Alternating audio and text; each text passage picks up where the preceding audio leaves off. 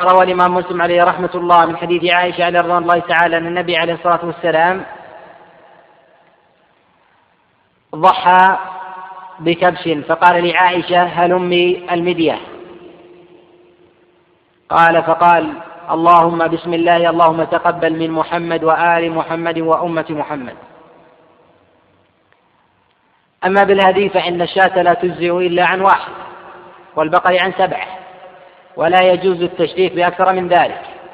والإبل على قول على عشرة ومنهم من قال عن سبعة. والصواب أنها تجزئ عن عشرة فيجوز فيها الإشراك. وهذا الفرق بين الهدي والأضحية. وما عدا ذلك فإنهما يستويان في سائر في سائر الأحكام إلا ما تقدم معنا من جهة التوقيت. فإن الهدي على قول جمهور أهل العلم أن يبتدئ من منتصف ليلة النحر. بخلاف الأضحية فإنه يبتدئ وقتها من بعد صلاة العيد. فإذا صلى الناس فإنه يبتدئ وقتها. وانتهاء الوقت واحد.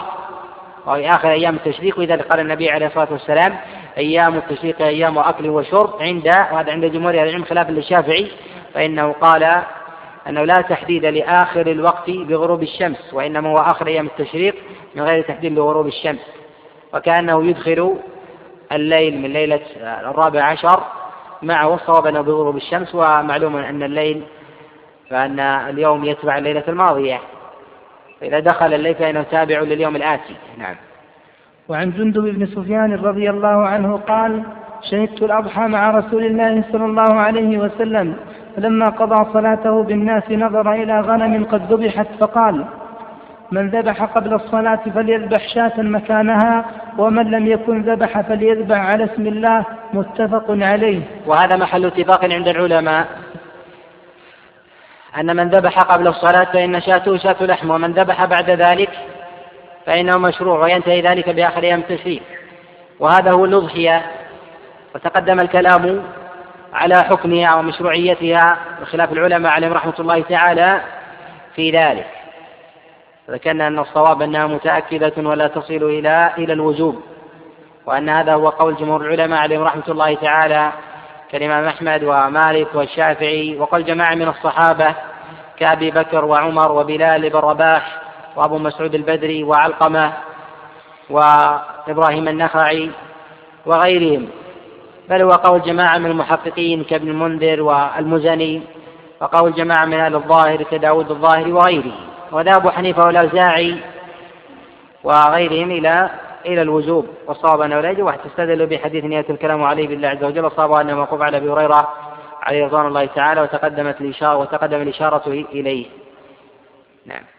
وعن جابر رضي الله عنه قال صلى بنا النبي صلى الله عليه وسلم يوم النحر بالمدينة فتقدم رجال فنحروا وظنوا أن النبي صلى الله عليه وسلم قد نحر فأمر النبي صلى الله عليه وسلم من كان نحر قبله أن يعيد.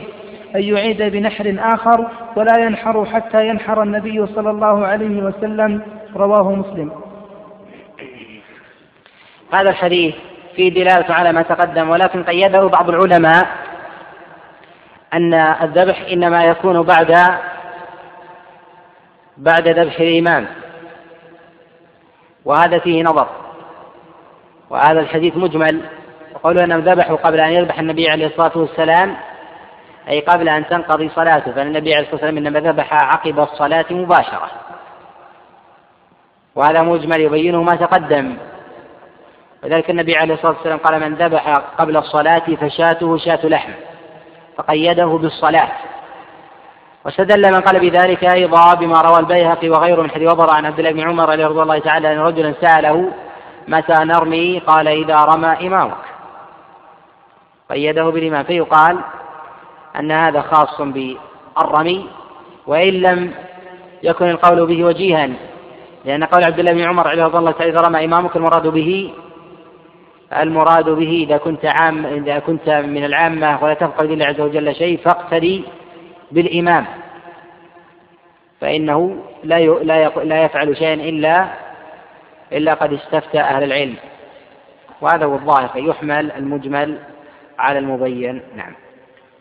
وعنه قال قال رسول الله صلى الله عليه وسلم لا تذبحوا إلا مسنة إلا أن يعسر عليكم فتذبحوا جذعة من الظأن رواه مسلم.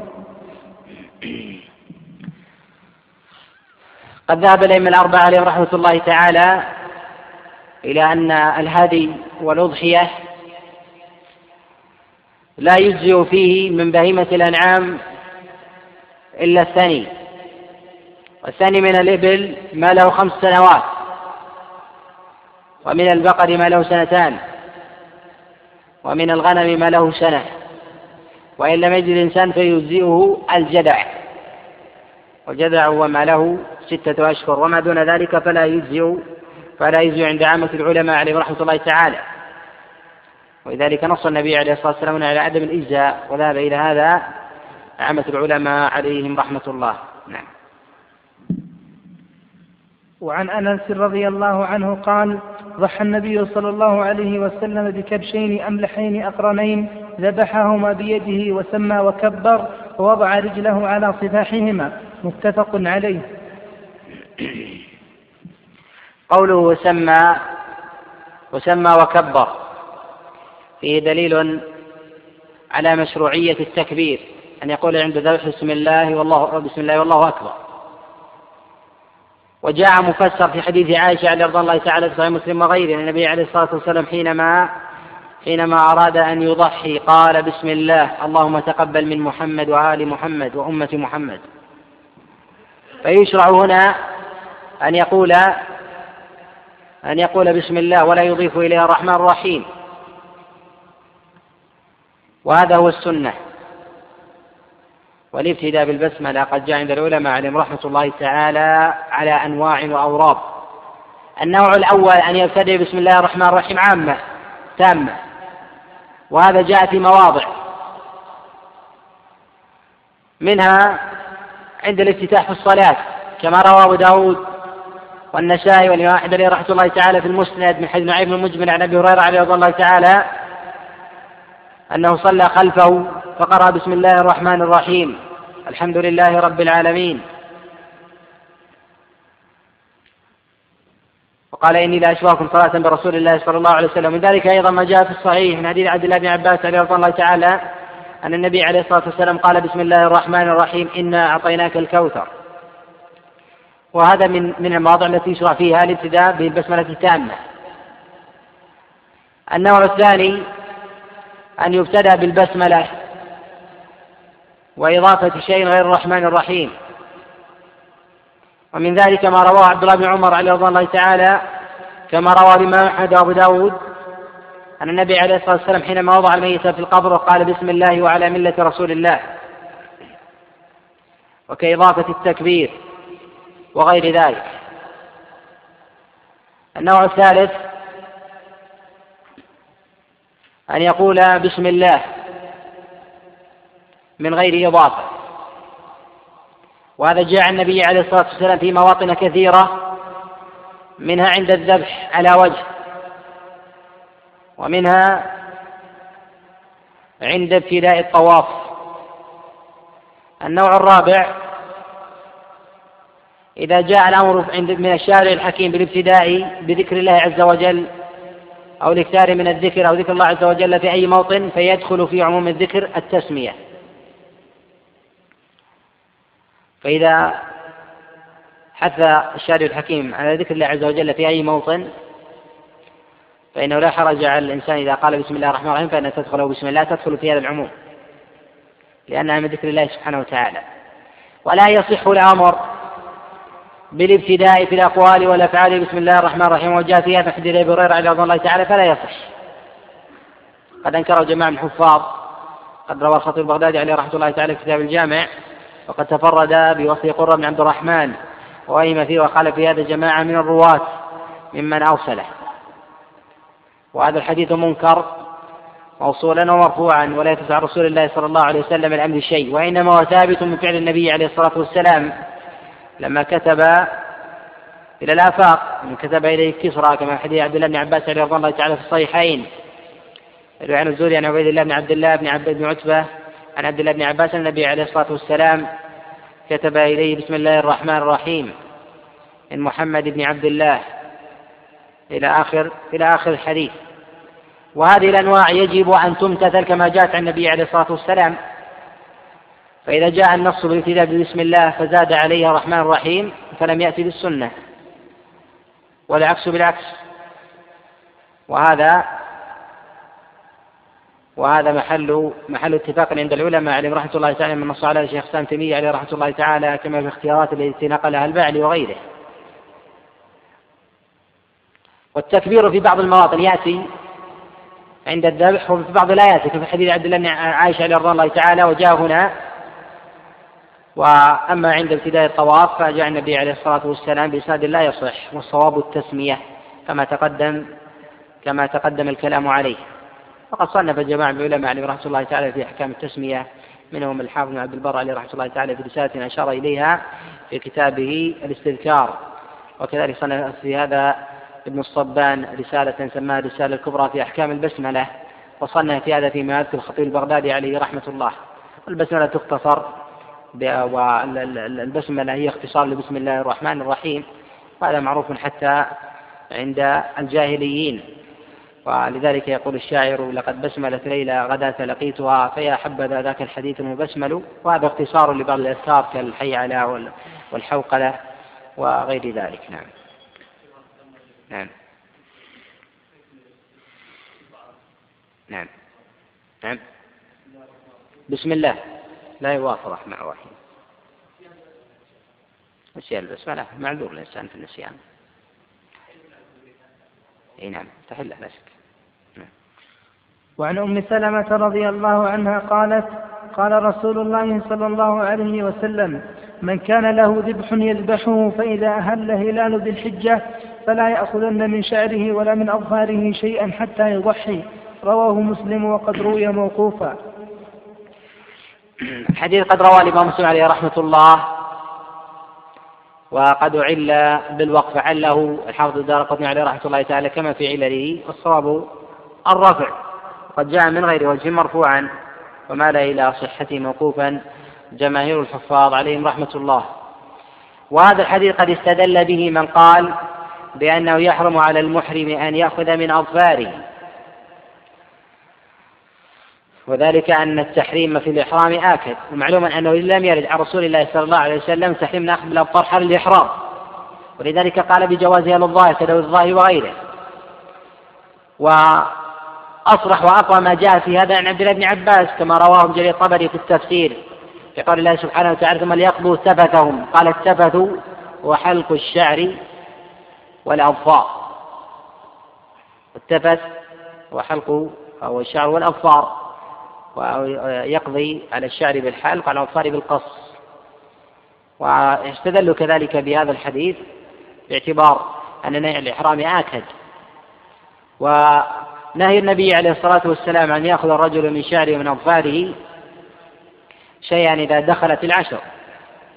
قد ذهب إلى التحريم أهل الظاهر وهو مذهب الحنابلة وذهب الجمهور كالشافعية والحنفية والمالكية إلى أنه على الكراهة وأنه لا يصل إلى التحريم. والصواب أنه على الكراهة الشديدة. ويدخل فيها ويكون هذا عند ظهور الهلال. وهذا فيه دليل على الرد على من قال أن العشر تبتدي بطلوع الفجر. ولذلك قيده بالهلال. إذا ظهر الهلال فإنه يحرم على الإنسان على قول الظاهرية ومسلم مذهب الحنابلة أن يأخذ من شعره وأظفاره ممن أراد أن يضحي. أما الموكل إذا وكل غيره فإنه لا حرج عليه أن يأخذ. ولكن لا يأخذ الوكيل. وهذا على الصحيح من أقوال أهل العلم. نعم. نعم. نعم. والصارف والصارف في هذا وأن الصحابة عليهم رضوان الله تعالى لم ترد فيهم النصوص كما جاء في الإحرام. ولذلك النهي عن النبي النهي الذي ورد عن النبي عليه الصلاة والسلام لا يأخذ من شعره ولا من أظفاره شيئا. لو كان على التحريم لتضافرت النصوص عن الصحابة عليهم رضي الله تعالى بالمنع. وذلك لقرينة قوية وهو أن من تلبس بالإحرام أقل ممن يتلبس بالأضحية أن عامة الناس يتلبسون بهذا وهو يريد أن يضحي. فجاء التأكيد على الإحرام بما لم يرد على الأضحية فدل على التخفيف فيه.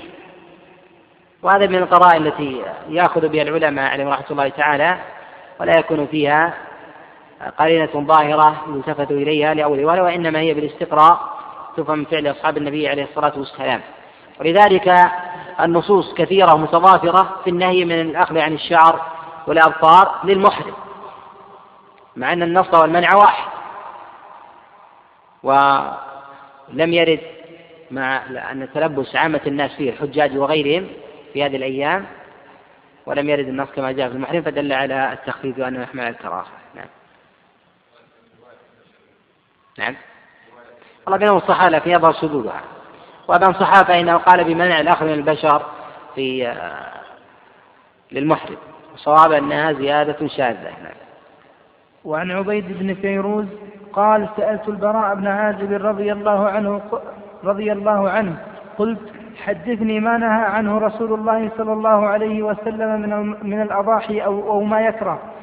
فقال قام فينا رسول الله صلى الله عليه وسلم ويدي أقصر من يده فقال أربع لا تجزئ العوراء البين عورها والمريضة البين مرضها والعرجاء البين ضلعها والكثير التي لا تنقي.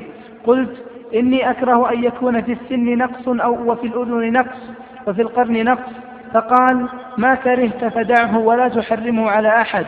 رواه الإمام أحمد وهذا لفظه وأبو داود وابن ماجه وابن حبان والنسائي والترمذي وصححه. هذا الحديث إسناده صحيح. وعامة الحفاظ عليهم رحمة الله تعالى على تقويته. وفيه دليل على أنه يشترط الأضحية شروط وهي أن لا تكون عورا والمراد بالعوراء هي التي يبين عورها. ويدخل في هذا العمية من باب أولى. فالعورة التي ليست بينة العور كأن تكون لا ترى لكنها ليست بظاهر بظاهر عليها فإنه لا حرج بأن يضحى بأن يضحى بها. ومعنى بين العور هو أن تكون العين بيضاء بياضا تاما أو تكون ناتية وتعرف بلون واحد من غير سواد وبياض ما تكون سوادا تاما وبياضا تاما فهذا عور عور بين وكذلك يدخل فيه العرجاء التي لا تستطيع أن تتبع رفيقاتها. فيكون عرجها بين وكذلك الهزيلة التي يبين هزالها من مرض ونحو ذلك. وما بها كسر سواء في يدها أو في ظهرها أو في رجلها فإنه لا يضحى بها. وهذه الأربع قد ذهب إليها عامة العلماء عليهم رحمة الله تعالى وقد اختلفوا فيما عدا ذلك. كمشقوقة الإذن والبتراء وغيرها فالصواب أنه يجوز أن يضحى بها وذلك أنه لا دليل على ذلك بل الدليل على خلافه. نعم. وعن أبي هريرة رضي الله عنه قال قال رسول الله صلى الله عليه وسلم من وجد سعة فلم يضحي فلا يقربن مصلانا. رواه أحمد واللفظ له وابن ماجه وصحح الترمذي وغيره وقفه. بهذا استدل من قال بوجوب الأضحية وهو قال أبو حنيفة عليه رحمة الله والأوزاعي وغيرهم. والصواب أنها سنة مؤكدة. وذهب إلى هذا جمهور العلماء وقال أبي بكر وعمر وبلال بن رباح وأبي مسعود البدري وعلقمة وسعيد المسيب والمزني وابن المنذر وداود الظاهري وغيرهم من العلماء. وهذا الحديث الصواب فيه الوقف لا يصح مرفوع النبي عليه الصلاة والسلام. وقد رفع عبد الله بن يزيد المقري وزيد بن حباب عن ابن عياش بن عباس القتباني عن الأعرج عن أبي هريرة عليه رضوان الله تعالى وخالفهم في هذا عبد الله بن وهب فرواه عن الأعرج عن أبي هريرة عليه رضوان الله تعالى. موقوفا وهو الصواب ولذلك قد رواه جعفر بن محمد على الوقف ورواه عبيد الله بن أبي جعفر على الوقف. أو عن العرج عن أبي هريرة موقوفا والصواب مال إلى صحة موقوفا الترمذي عليه رحمة الله تعالى كما نقل هذا. البيق عليه رحمة الله تعالى وغيره ومال إلى ذلك أيضا البيهقي. وذهب ويروى عن بعض الصحابة عليهم رضي الله تعالى القول بالوجوب وهو مروي عن عبد الله بن عمر عبد الله بن عباس ولا يصح عنه. وإنما صح عن أبي هريرة عليه رضي الله تعالى وهو متأول. باب التشديد في هذا لأنه لا يحسن بأبي هريرة رضي الله تعالى أن يخالف الخلفاء الراشدين كأبي بكر وعمر وغيرهم من الصحابة عليهم رضوان الله تعالى. فلولا أن يحمل كلام أبي هريرة على شدة التأكيد بالاستحباب وشدة الكراهة بالترك. نعم. نعم. تقدم أنه قد ذهب الإمام مالك عليه رحمة الله تعالى إلى أنه لا يشرع أن يضحى أن يضحي الحاج.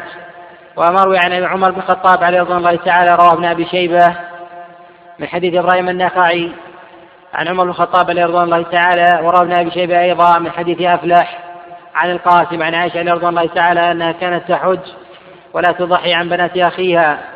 وروى كذلك ابن أبي شيبة عن عبد رحيل الشابي قال حديث ثلاث ثلاث مرار ولم أضحي ورواه أيضا ابن أبي شيبة عن إبراهيم النخعي أنه قال كانوا يحجون ولا يضحون. وروي هذا عن جماعة كسعيد بن جبير ونافع وغيره وهو الصواب. وذهب الإمام أحمد عليه رحمة الله تعالى في المشهور عنه وقال الشافعي والإمام أبي حنيفة عليه رحمة الله تعالى إلى أنه يضحي والصواب أنه لا يضحي. وقد حج فئام من الناس مع النبي عليه الصلاة والسلام ولم يذكر أن أحدهم قد أبقى أضحية. أو ضحى عن أهله بمكة أو أو في بلده. نعم. باب العقيقة. عن الحسن عن سم العقيقة. قد ذكر غير واحد من أئمة اللغة كابي عبيد القاسم السلام والأصمعي أن العقيقة يطلق على ما يخرج على رأس المولود عند ولادته وسميت بذلك. وقد اختلف العلماء عليهم رحمة الله تعالى في مشروعيتها على قولين. ذهب جمهور العلماء وقال الإمام مالك والشافعي وأحمد إلى مشروعيتها وذهب أهل الرأي إلى عدم مشروعيتها وأنها من أمور الجاهلية. وهذا قول لا يعول عليه مع ظهور النص. ولذلك انتقد الإمام أحمد عليه رحمة الله تعالى من قال بهذا القول. فقال الإمام أحمد عليه رحمة الله تعالى كما نقله عنه إسحاق قال من قال بالكراهة من أهل الرأي فهذا دليل على قلة المعرفة بالأحكام. وذلك أن النصوص عن النبي عليه الصلاة والسلام ظاهرة المشروعية قوية بل قال جماعة بالوجوب. وهذا قول في مذهب أحمد وذهب إليه أهل الظاهر. نعم. عن الحسن عن سمرة أن رسول الله صلى الله عليه وسلم قال كل غلام مرتهن بعقيقته تذبح عنه يوم سابعه ويحلق ويسمى. رواه أحمد وأبو داود وابن ماجه والترمذي وصححه والنسائي وقال لم يسمع الحسن من سمرة إلا حديث العقيقة. قد اختلف العلماء عليهم رحمة الله تعالى في سماع الحسن من سمرة على ثلاثة أقوال. ذهب جماعة إلى أنه قد صح سماعه منه مطلقا. وذهب إلى هذا ابن حبان ويحيى بن معين وذهب بعضهم إلى أنه لم يسمع من أحد العقيقة وهذا قول النسائي والبخاري وغيرهم. وذهب بعضهم إلى أنه سمع منه وغير ذلك. و أنه كل ما روى الحسن عن سمرة فهو محمول على السماع. والصواب أنه قد سمع منه إلا ما يستنكر من المتون فيحمل على الانقطاع ويعل به. أما حديث العقيقة فحمله غير واحد من الأئمة على السماع؟ وهذا مروي عن النسائي رحمة الله تعالى كذلك البخاري وعلي المديني وغيرهم. وهذا الحديث حديث صحيح. واستدل بهذا من قال بوجوب العقيقة.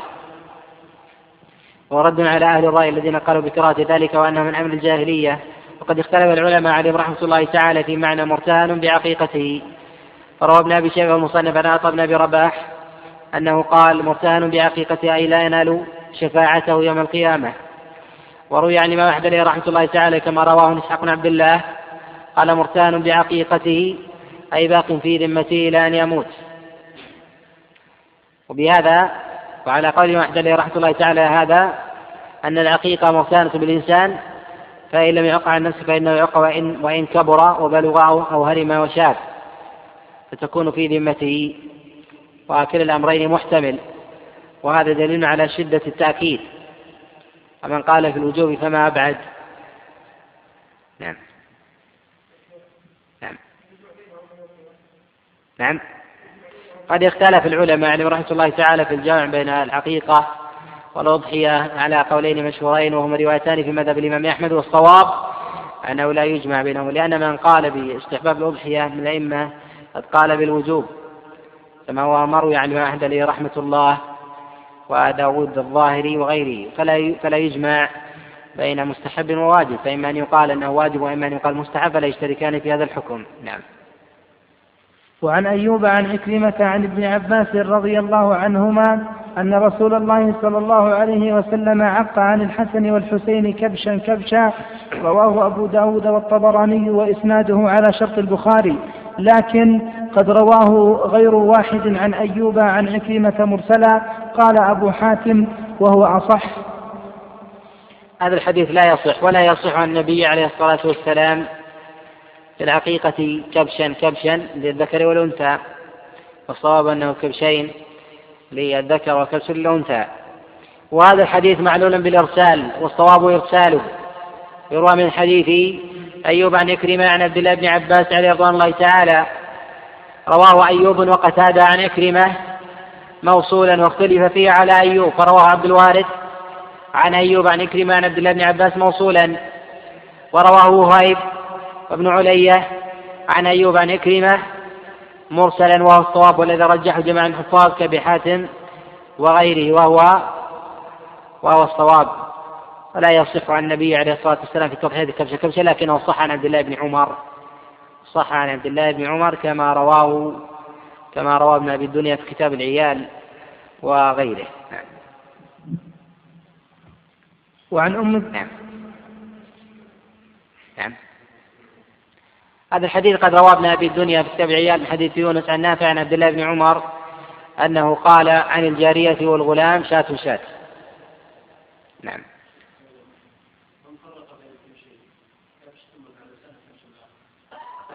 فرق الوقت؟ هذا خالف السنة وأجزاء نعم. وعن أم كرز الكعبية رضي الله عنها قالت سمعت رسول الله صلى الله عليه وسلم يقول عن الغلام شاتان مكافئتان وعن الجارية شاه رواه أحمد وأبو داود وهذا لفظه وابن ماجه والنسائي والترمذي وصححه.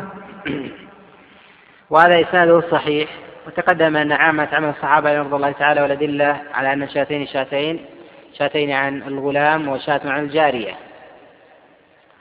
وعلل ذلك بعض الفقهاء عليهم رحمة الله تعالى بعض الرأي تعليلات فيها نظر ويقال أن أن هذه الأمور على التعبد وإن لم تظهر وإن لم تظهر فيها العلة. قد قال بعضهم أن المنة والنعمة من الله عز وجل بالغلام أكثر من الأنثى.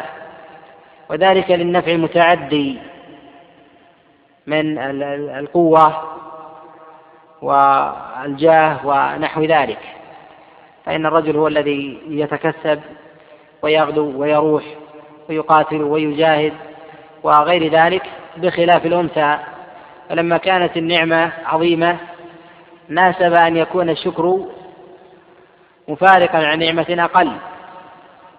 وهذا تأويل اجتهاد بعض العلماء ولكن لولا أن يقال أنها امتلت بأمور تعبدية فيمتد الإنسان والعيادة قد تكون مخصوصة وقد تكون غير ذلك فإن لم تكن مخصوصة فالأمر فالأمر فيها واسع. وكما تقدم أنه ثبت عن عبد الله بن عمر أنه قال بشاة شاة. فالصواب في العقيقة أنها أنها على التأكيد ومن قال بالوجوب فما أبعد. وذلك أنه مرتهن مرتهن بعقيقته.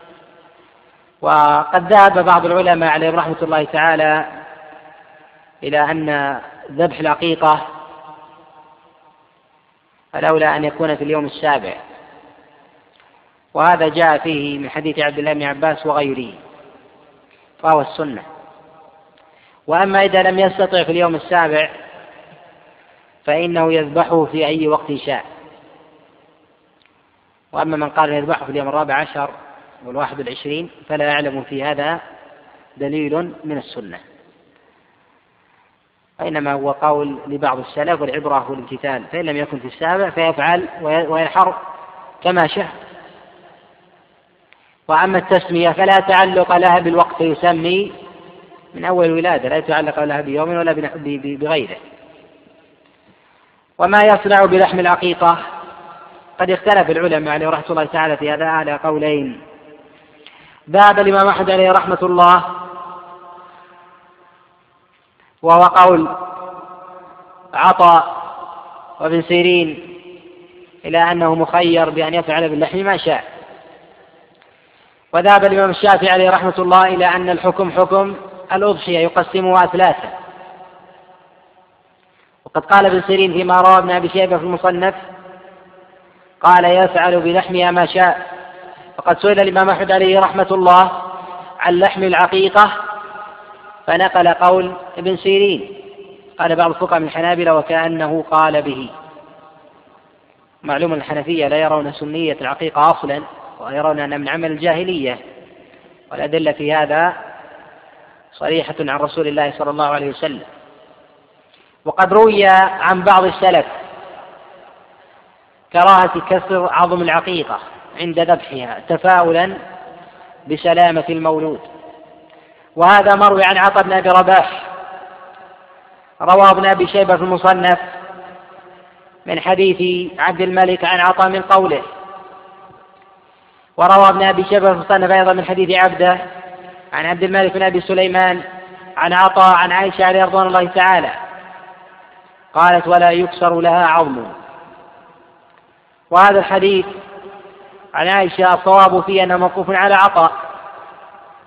فقد رواه عاصم الأحول عن عطاء من قوله وهو الصواب. وروي في هذا عن ابن جريج عليه رحمة الله أنه قال بذلك. ولم يثبت عن رسول الله صلى الله عليه وسلم في هذا شيء. يقال سواء كسر العظم أم لم يكسره لم يثبت عن النبي عليه الصلاة والسلام في هذا الشيء فإن فعل أو لم يفعل أما باب التفاؤل فهذا لا يقع في باب العبادات إذا كان في باب عبادات الأمور فهي على التوقيت وإذا كان من باب عادات الناس فإنهم يتفاءلون ما لم ما لم يكن في ذلك ما لم يكن في ذلك محظور شرعا فيمنع منه. نعم. نعم. انتهى كتاب نعم.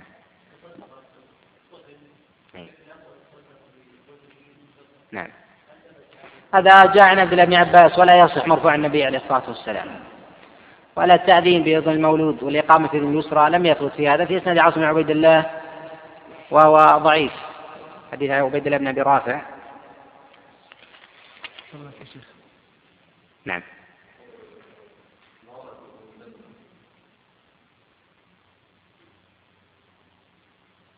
نعم. كيف؟ ما أسمعك. يطلق عليه الدم. لا جاء فيه لكن لا يصح النبي عليه الصلاة والسلام في هذا الشيء.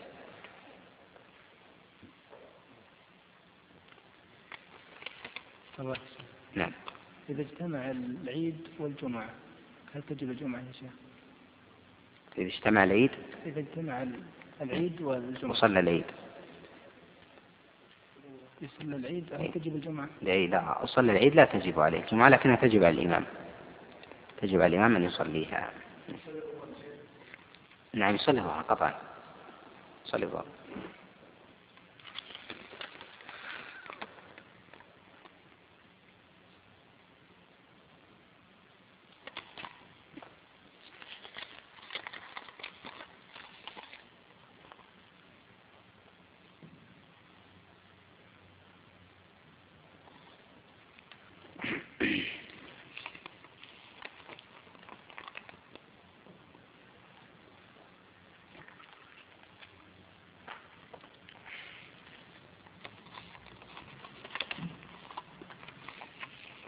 التحلل بالرمي قد جاء في حديث ام سلمة ولا يصح اسناده قد روى الإمام أحمد وأبو داود وغيره وعامة الحفاظ على ضعفه وذلك لأن في إسناده جهالة.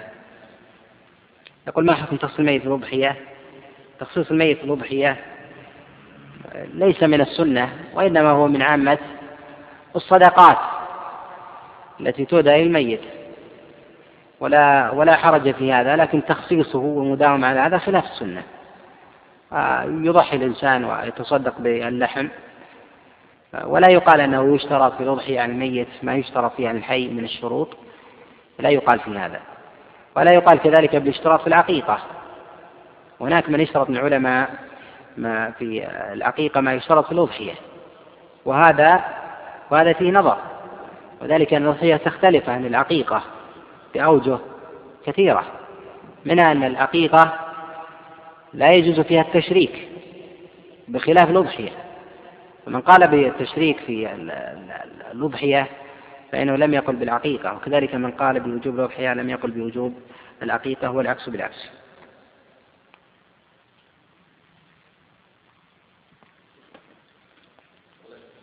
نعم. نعم.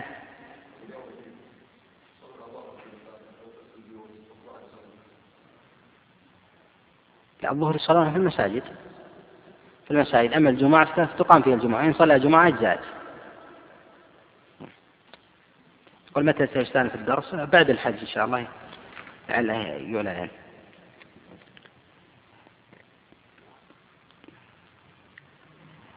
يقول رفع الله قدرك وشكر الله سعيك وأجزل مثوبتك على هذه الفوائد. وأوصيك أن تجتنب ذكر الغرائب وأن تنهج طريق علمائنا من عدم ذكر المسائل من ذكر المسائل وشواذها. وقد يكون على هذا الشخص بعض المسائل غريبة لكن عند التحقيق عند العلماء معروفة والإنسان عدو ما جهل فقد يكون الإنسان قد تربى على قول من مشهور المذاهب ونحو ذلك فما ند عنه فيكون غريبا. ومسألة الغرائب المسائل. لا بد من بيانها لطلبة العلم وبيان ضعفها. وأما ما يروى عن أصحاب رسول الله صلى الله عليه وسلم فلا يقال أنه غريب قط. والأقوال التي تحكى فيما يخالف المشهور لا أذكر أنني حكيت قولا إلا ونسبت وبينت صحته أو ضعفه ويعلم به ذلك. ولعل دافع السائل هو ما أشير إليه من كلام أبي هريرة رضي الله تعالى مما لا يثبت عنه الأضحية بالدجاج. الأضحية بالدجاج قد أثير هذا الكلام واحتج به بعض المفتين من أحد البلدان الإسلامية في عام مضى وتقصدته إرادة واحتج بما يروى عن أبي هريرة عليه رضوان الله تعالى. فحينما يكون طالب العلم يجهل أمثال هذه المسائل وخاصة أننا في زمن قد انفتح الناس فيه على الإعلام فأصبح رأي مفتي أقاصي الدنيا مفتي طاجكستان أو تركيا. إذا أبدى قولا لم يكن كالسابق مندثر وإنما يتناقله الناس وقد يحتج بأقوال هي في عداد الشاذ فلا بد من بيانها وبيان ضعفها وأنها لا تثبت وأما إذا كانت ثابتة وكان القول هذا لأحد من السلف كالصحابة والتابعين فله حجة وقول واعتبار فيما ذهب إليه. لأن خير السلف وخير من مضى بعد رسول الله صلى الله عليه وسلم هم أصحاب رسول الله صلى الله عليه وسلم. أما ما عدا ذلك فإنه لا يذكر لا يذكر إلا على سبيل بيان شذوذه وبعده أو على بيان ضعفه ووهنه. وهذا هو المسلك الذي الذي ينبغي ينبغي أن يسلك. أما من تتبع الرخص وذهب إليها وأخذ بأقوال العلماء فيها فهذا فهذا صاحب هوى. فإنه لا يكاد أحد من الأئمة عليهم رحمة الله تعالى إلا وله قول خالف فيه. وقد تتبعت أقوال العلماء عليهم رحمة الله تعالى في المذاهب الأربع وغيرها في سائر مسائل الفقه من السلف والخلف فوجدت ما يرضى عن مئتين إمام. قد ذهب كل واحد منهم إلى مسألة لم يوافق عليها قاطبة حتى من الأئمة الأربع. ولذلك يقول ابن عبد البر عليه رحمة الله تعالى قد غاب عن جماعة من أصحاب رسول الله صلى الله عليه وسلم من السنن وما يروى عن رسول الله صلى الله عليه وسلم فإذا جاز ذلك عنهم فهو عمن عمن بعدهم أجود.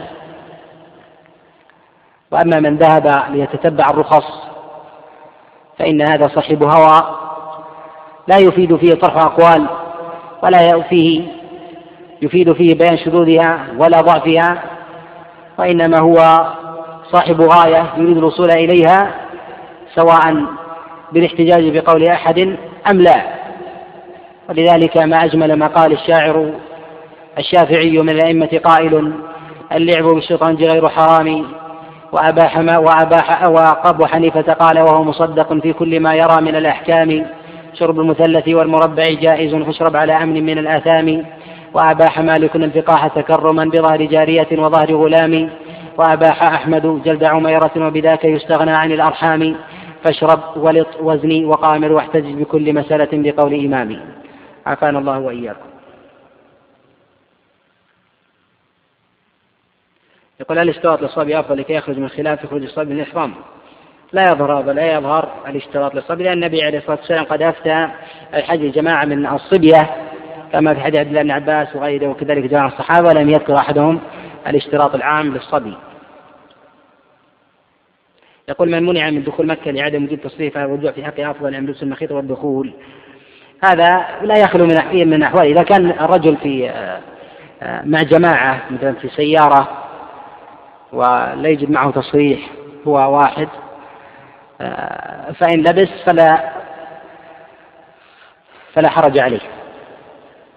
لأنه إن, إن نزل والبقية ذهبوا ماذا يصنع فيه مشقة كبيرة. والأمر الآخر هو أن يكون ذهب بنفسه أو يكون رفقة بكاملهم قد ردوا والذي أراه الأولى أن يرجع. الأولى الأولى أن يرجع ويعتبر محصرا ولا ينبغي أن يتسامع في هذا وأن يقال مطلقا الإنسان إذا رد أن يلبس ثيابه ويمشي هذا فيه تساهل في الأحكام.